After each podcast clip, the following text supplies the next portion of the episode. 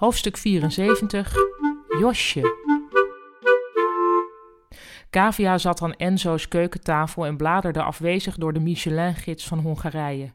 Ze probeerde uit alle macht te voorkomen dat ze ging piekeren over Josje die misschien gevraagd zou worden voor de goulashbus.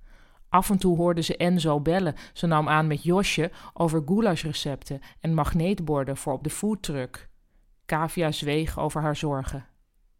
Laatst op een zwakke ochtend had ze Roy er toch maar over verteld.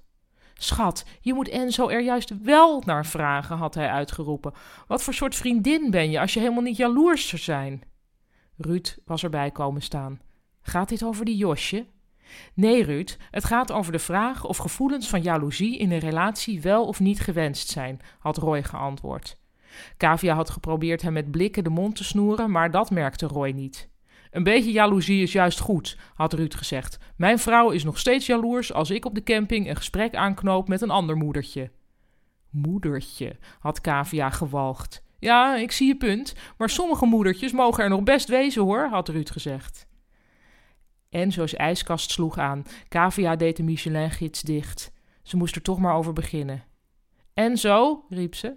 Hij kwam uit zijn werkkamer gelopen. Ja? Wie is die Josje nou eigenlijk precies? Ze probeerde warm geïnteresseerd te klinken.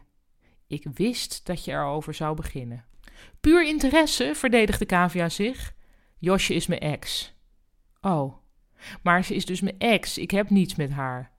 Wie heeft het uitgemaakt? Zij. Hmm.